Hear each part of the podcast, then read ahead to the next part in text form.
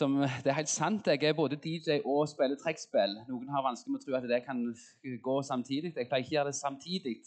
Men av og til spiller jeg trekkspill, av og til er jeg DJ.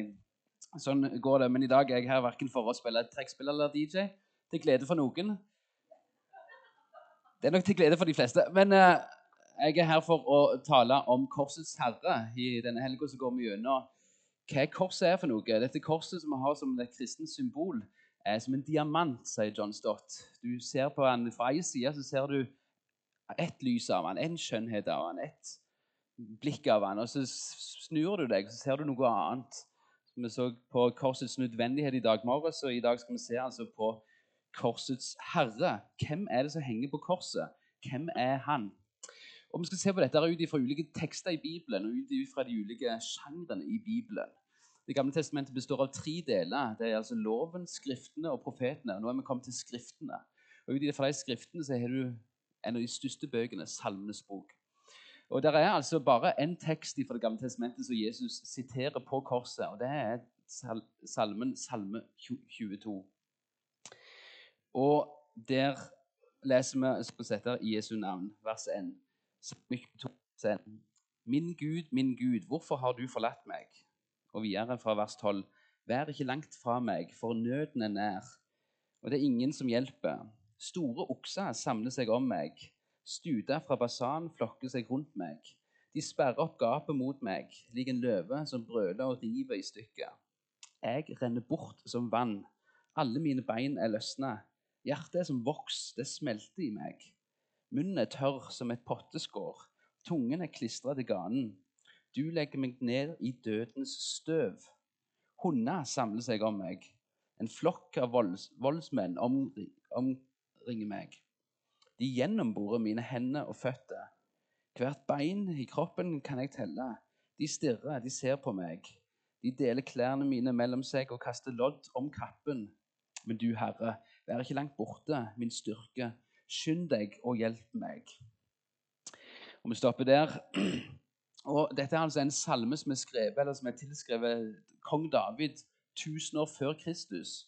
Men forskere har lurt på Når David skriver dette, her, hva er det han tenker på? I hva slags situasjon er det han snakker om? Og Forskere klør seg i hodet og sier vel, det er egentlig ingen situasjon i Davids liv, selv om han var prøva, selv om han hadde mange fiender rundt seg, som, som svarer helt til det som står om i denne salmen, salme 22. Eh, dette er en salme om Jesus. Dette er en salme som beskriver Jesus. og Det er derfor Jesus på korset siterer denne salmen. Du vet, Jesus han var som fulgt opp av Bibelen. Antakelig så kunne han hele Det gamle testamentet utenat. Jesus, du vet, Når du stikker hull på oss, så renner det blod ut. Men når du stikker hull på Jesus, så renner det Skriften ut. Så renner det ord fra Gud ut. Når Jesus blir prøvet av djevelen, så er alltid hans motsvar et ord fra Skriften. Og når Jesus i sin verste situasjon, i sin verste hendelse i livet, roper til Gud, så roper han Bibelen. Salmenes bok var Jesus i bønnebok. Og Salme 22 er nøkkelen for å forstå han som henger på korset, Jesus som er korsets herre. Han roper ut på korset, 'Gud, min Gud, hvorfor har du forlatt meg?' Hvorfor har du gjort meg til en forbannelse? Hvorfor har du gjort meg til synd? Hvorfor har du gjort meg til offerland? Det er mange som kan like Jesus. Men det er ofte en fabrikkert versjon av Jesus, en Jesus som har skapt i vårt eget bilde. Um, Espen Ester Brelle Bellestad har lagd en sånn versjon av Jesus. Det er en woke Jesus. En trans-Jesus. Det er ikke den Jesus du leser om i Bibelen. Dette er en Jesus er lagd i Espen Ester Pirelli Bennestads eget bilde. Med andre ord den, en Jesus som har de samme politiske holdninger som Espen Ester. En annen som lagde en egen versjon av Jesus, heter Thomas Jefferson. tredjepresident i USA. Han likte Jesus, men han trodde ikke på mirakel. Han trodde ikke at naturkreftene kunne endres eller styres over av en gud. Han trodde ikke på mirakel. Han trodde Jesus var en filosof, en lærer, men ikke kom med noe mirakel. Ikke kom med noe underhistorie. Han var en slags profet, men han var ikke Gud. Og Problemet med alle disse her fabrikkerte Jesusene, disse Jesusene som vi lager sjøl, Jesusene som ikke kan si imot oss, for de er helt enige med oss, er at de bommer på de viktigste sannhetene om Jesus. Når vi leser om Jesus i Bibelen, så er det to sannheter som ingen av våre fabrikate Jesus er, ingen av våre falske Jesus klarer å nå. De to sannhetene er dette. En, han var Gud, og to, han døde. Det at Jesus er Gud, er en de viktigste sannhetene om han. Han er Gud.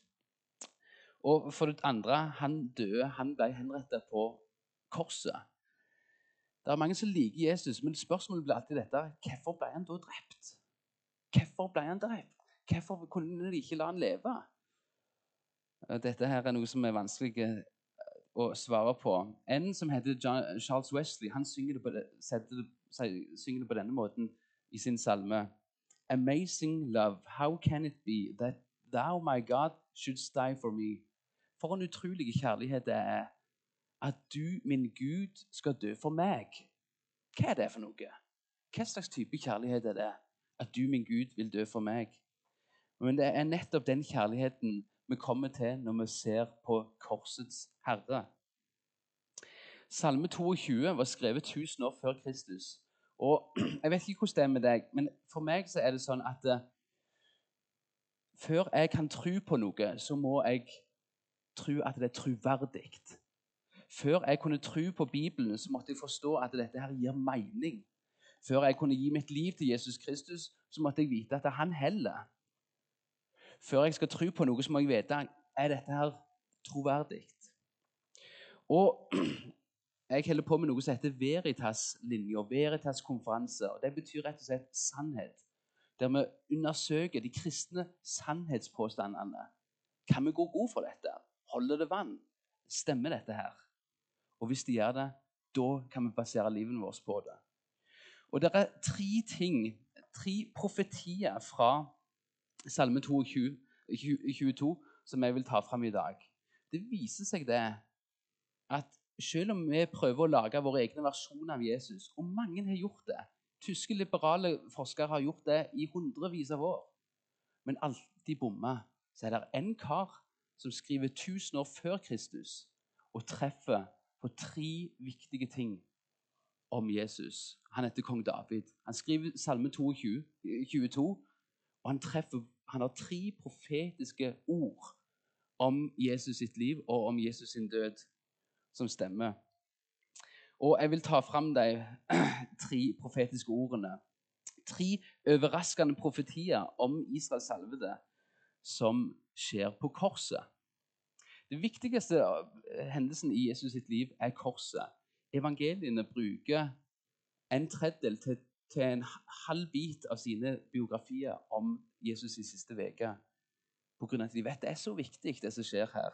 Og David skriver sjøl tre profetier i Salme 22 som blir oppfylt på korset. Dette er utrolig for meg.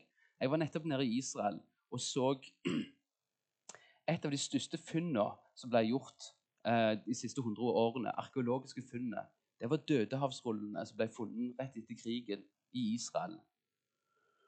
Da ble det funnet alle eh, tekster fra alle bøkene i Det gamle testamentet, unntatt Ester, og bekrefter det at de biblene som vi har i dag, er de samme biblene, det samme gamle testamentet som de hadde på Jesus' i tid. Men her skal du få tre profetier som David skriver om, eh, som ble oppfylt med korset. For det første Messias skal bli avkledd, og klærne skal bli lodda ut. For det andre Messias skal bli gjennombora. Og for det tredje Messias skal bli forlatt av Gud. For det første Messias skal bli avkledd, og klærne skal bli loddes ut. Dette skriver David i sin salme. Se, disse her eh, soldatene trekke lodd om klærne mine. Og Dette var vanlig praksis med korsfestelse. Du hadde fire soldater som var rundt der. Det kan du lese om i Apostelskjernen kapittel 12. De delte opp Jesus sin tunika, altså hans kjortel, hans hodeplagg, hans belte og hans sandaler mellom seg. Der var selvsagt ingen av de romerske soldatene som tenkte nå skal vi oppfylle det som står skrevet i Salme 22, de gjorde bare en vanlig praksis. Men dette skjedde for at Guds plan skulle gå i oppfyllelse. Dette skjedde for at Skriften skulle gå i oppfyllelse. Jesu kors skjedde ikke som en tilfeldighet eller som en plutselig ting. Nei, det skjedde etter Guds plan. Romerne korsfesta deres ofre nakne. Han ble fratatt sine klær, sin ære. Han døde skammelig.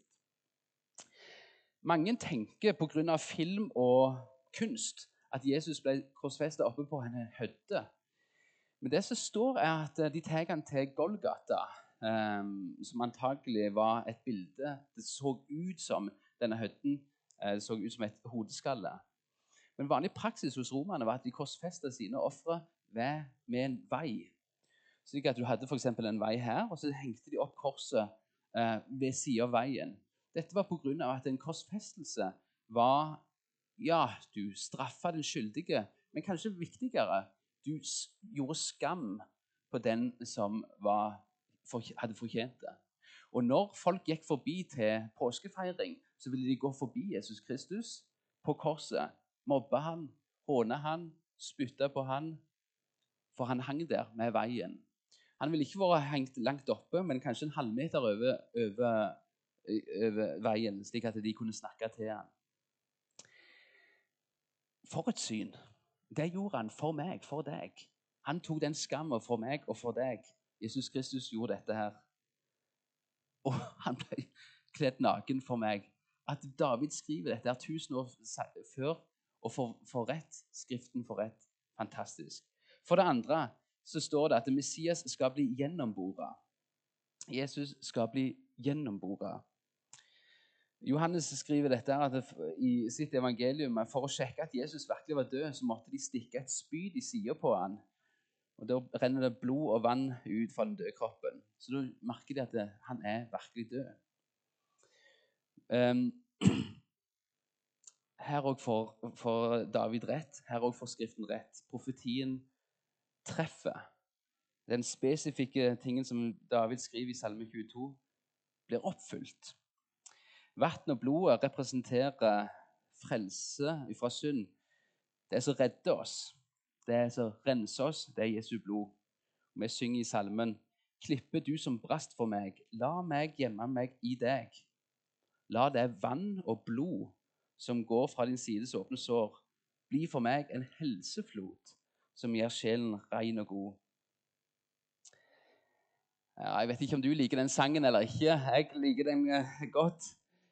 Eh, men kanskje du står deg tvilende til dette. her. Så var det også andre disipler som tvilte. De så dette her, og så tvilte de. Men da er det ganske kult at Jesus sier, kommer til en av de som tvilte. Han heter Thomas, tvillingen. Og så sier han, se disse merkene som jeg har etter oppstandelsen. Jeg har merker i hendene, føttene og i sida. Ta på dem. Kjenn på dem. Kjenn at det er meg. Dette gjorde jeg for deg. Han ble gjennomboret for Thomas sin skyld, for din skyld. Og til slutt så må Thomas si, 'Min Herre og min Gud'. En av de høyeste, vakreste, beste Jesusbekjennelsene i Johannes evangeliet. Tvileren sier, når han får se disse tingene, 'Min Herre og min Gud'. Dette var profetert tusen år før Kristus. Slik at vi òg kan si, når vi ser på Jesus sine hender, sine føtter sin side Min Herre og min Gud, dette gjorde du for meg. Og til slutt så står det, og kanskje viktigst, at Messias skal bli forlatt av Gud. For en spesiell ting å skrive. Min Herre og min Gud, min Gud, hvorfor har du forlatt meg? Når Jesus dør, så opplever han en virkelig forlatthet fra Gud. Gud er totalt borte for ham. Hvorfor da? Jo, for Jesus har identifisert seg så med synd at Gud er fullstendig borte. Det er synden som skiller oss fra Gud, sier Josia. Og han roper i desperasjon fra korset, 'Min Gud, min Gud, hvorfor har du forlatt meg?' Det som skjer, Jeg vet ikke hva, du, hva du vet om korsfestelse, men det som skjer med korsfestelse, er at du binder Du eh, korsfester personen i, i, hendene og i føttene. Og så blir det hengende eh, sånn som dette her. Og så må du, For å puste så må du dra deg sjøl opp med den ryggen som er blitt piska langs eh, korset, for å få eh, klare å puste. Så det som tar livet av deg, det er at du ikke får puste. Så det blir sånn dette. Så det er når, når Jesus roper 'Min Herre og min, eh, min, Gud, hvorfor har du forlatt meg?' så er det sånn 'Min Gud, min Gud, hvorfor har du forlatt meg?' Det er det der eh, han sier. Du slutter å puste til slutt, og så dør du. Eh, og folk som gikk forbi på dette, måtte ha hørt dette. Um, at han gjorde dette her. Uh, hvorfor forlot Gud han på korset? Jo, for at han aldri skal forlate oss. Når David synger om dette her i sin salme, salme 22, 'Min Gud, min Gud, hvorfor har du forlatt meg?' Så er det det for at det oppleves sånn for David. Gud, det oppleves for meg som at du er langt vekke. Gud, hvor er du hen? Hvor lenge Gud, skal du være vekke fra meg? Slik det ofte kan oppleves for oss. Men når Jesus sier dette for korset, så er han faktisk det eneste mennesket i verden der det har vært en realitet. Ja, min Gud, min Gud, han er vekke. Jesus opplever totalt Guds fravær på korset. For han har identifisert seg så med synd for å frelse oss. Men etter Salme 22 så kommer Salme 23. Ja, sier du. Jeg, du er god å telle, Per Sigve. Takk skal du ha. Er to, etter 22 kommer 23. Men det er også en viktig ting her. Etter Salme 22, Guds forlattheten, så kommer Salme 23. Der står det Herren er min hyrde. Jeg mangler ikke noe. Han lar meg ligge i grønne enger og leder meg til vann der jeg finner hvile. Han gir meg nytt liv. Han fører meg på rettferdsstier for sitt navns skyld. Om jeg enn skulle vandre i dødsskyggens dal, frykter jeg ikke noe ondt, for du er med meg. Din kjepp og din stav, de trøster meg. Du dekker bord for meg like foran mine fiender. Du salver mitt hode med olje. Mitt beger renner over. Bare godhet og miskunn skal følge meg alle mine dager, og jeg skal få bo i Herrens hus gjennom alle tider. I Salme 22 så blir Jesus drept framfor sine fiender, for at vi i Salme 23 skal kunne bli dekka spor for oss like foran vår fiende. I Salme 22 så renner Jesus sitt liv bort som vann, for at vi i Salme 23 skal kunne føres til vann der vi finner hvile. I Salme 22 så klistrer tunga seg til Jesus sin gane, for at vi i Salme 23 skal ha et beger som flyter over og renner over. I Salme 22 så, blir, så dør Messias for at vi i Salme 23 skal få nytt liv. I Salme 22 er Gud borte for at vi i Salme 23 kan stå med oss. Selv om jeg vandrer i dødsskyggens dal, så frykter jeg ikke noe vondt, for du er med meg. Ja, Gud har aldri lovt oss at uh, livet skal være lett, eller at uh, han aldri vil sette oss ut i utfordringer. Men han lover oss dette. Jeg går alltid med deg. Jesus opplevde totalt gudsfravær, slik at vi aldri skal kunne oppleve det.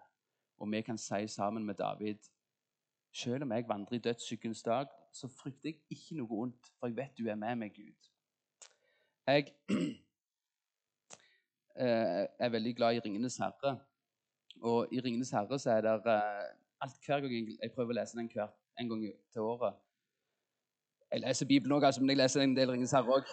Men, men eh, der, der er det, der er alltid en episode som, som, får meg til å grine når jeg leser det. Og det er når Sam, den gode vennen til hovedpersonen Frodo, står midt i Mordor, i den vanskeligste, tid, vanskeligste situasjonen i sitt liv.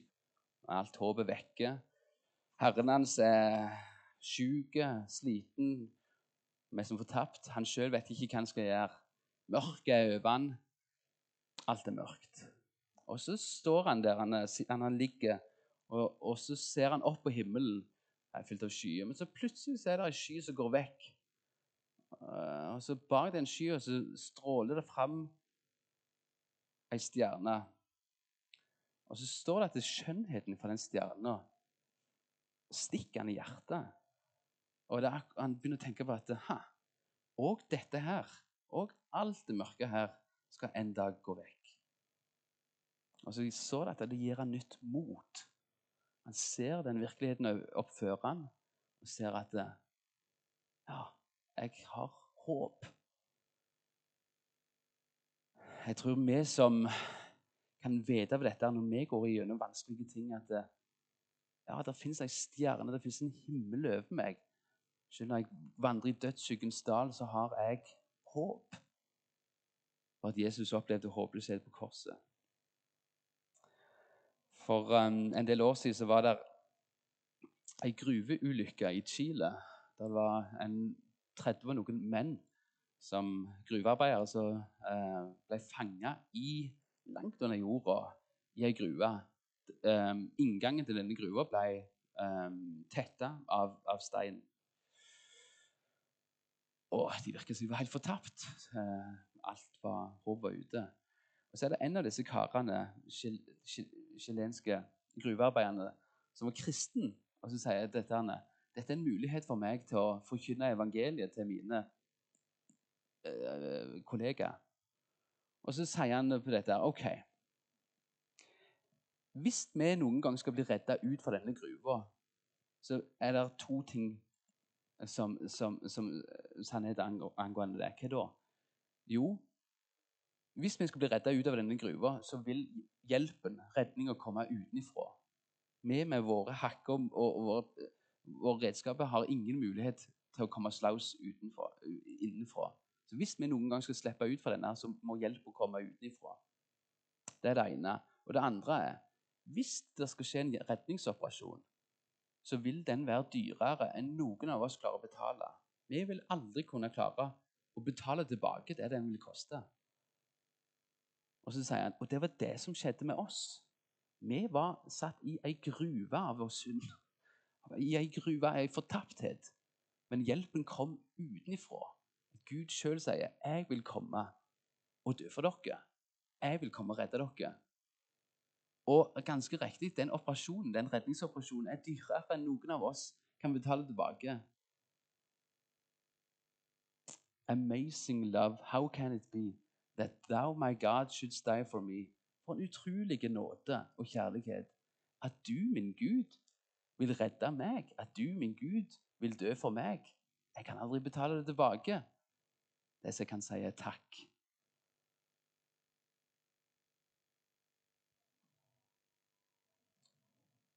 La dette her være vårt håp. La dette her være vår takk til Gud. Du, min Gud, vil dø for meg. Du vil redde meg. For en utrolig kjærlighet. La oss be.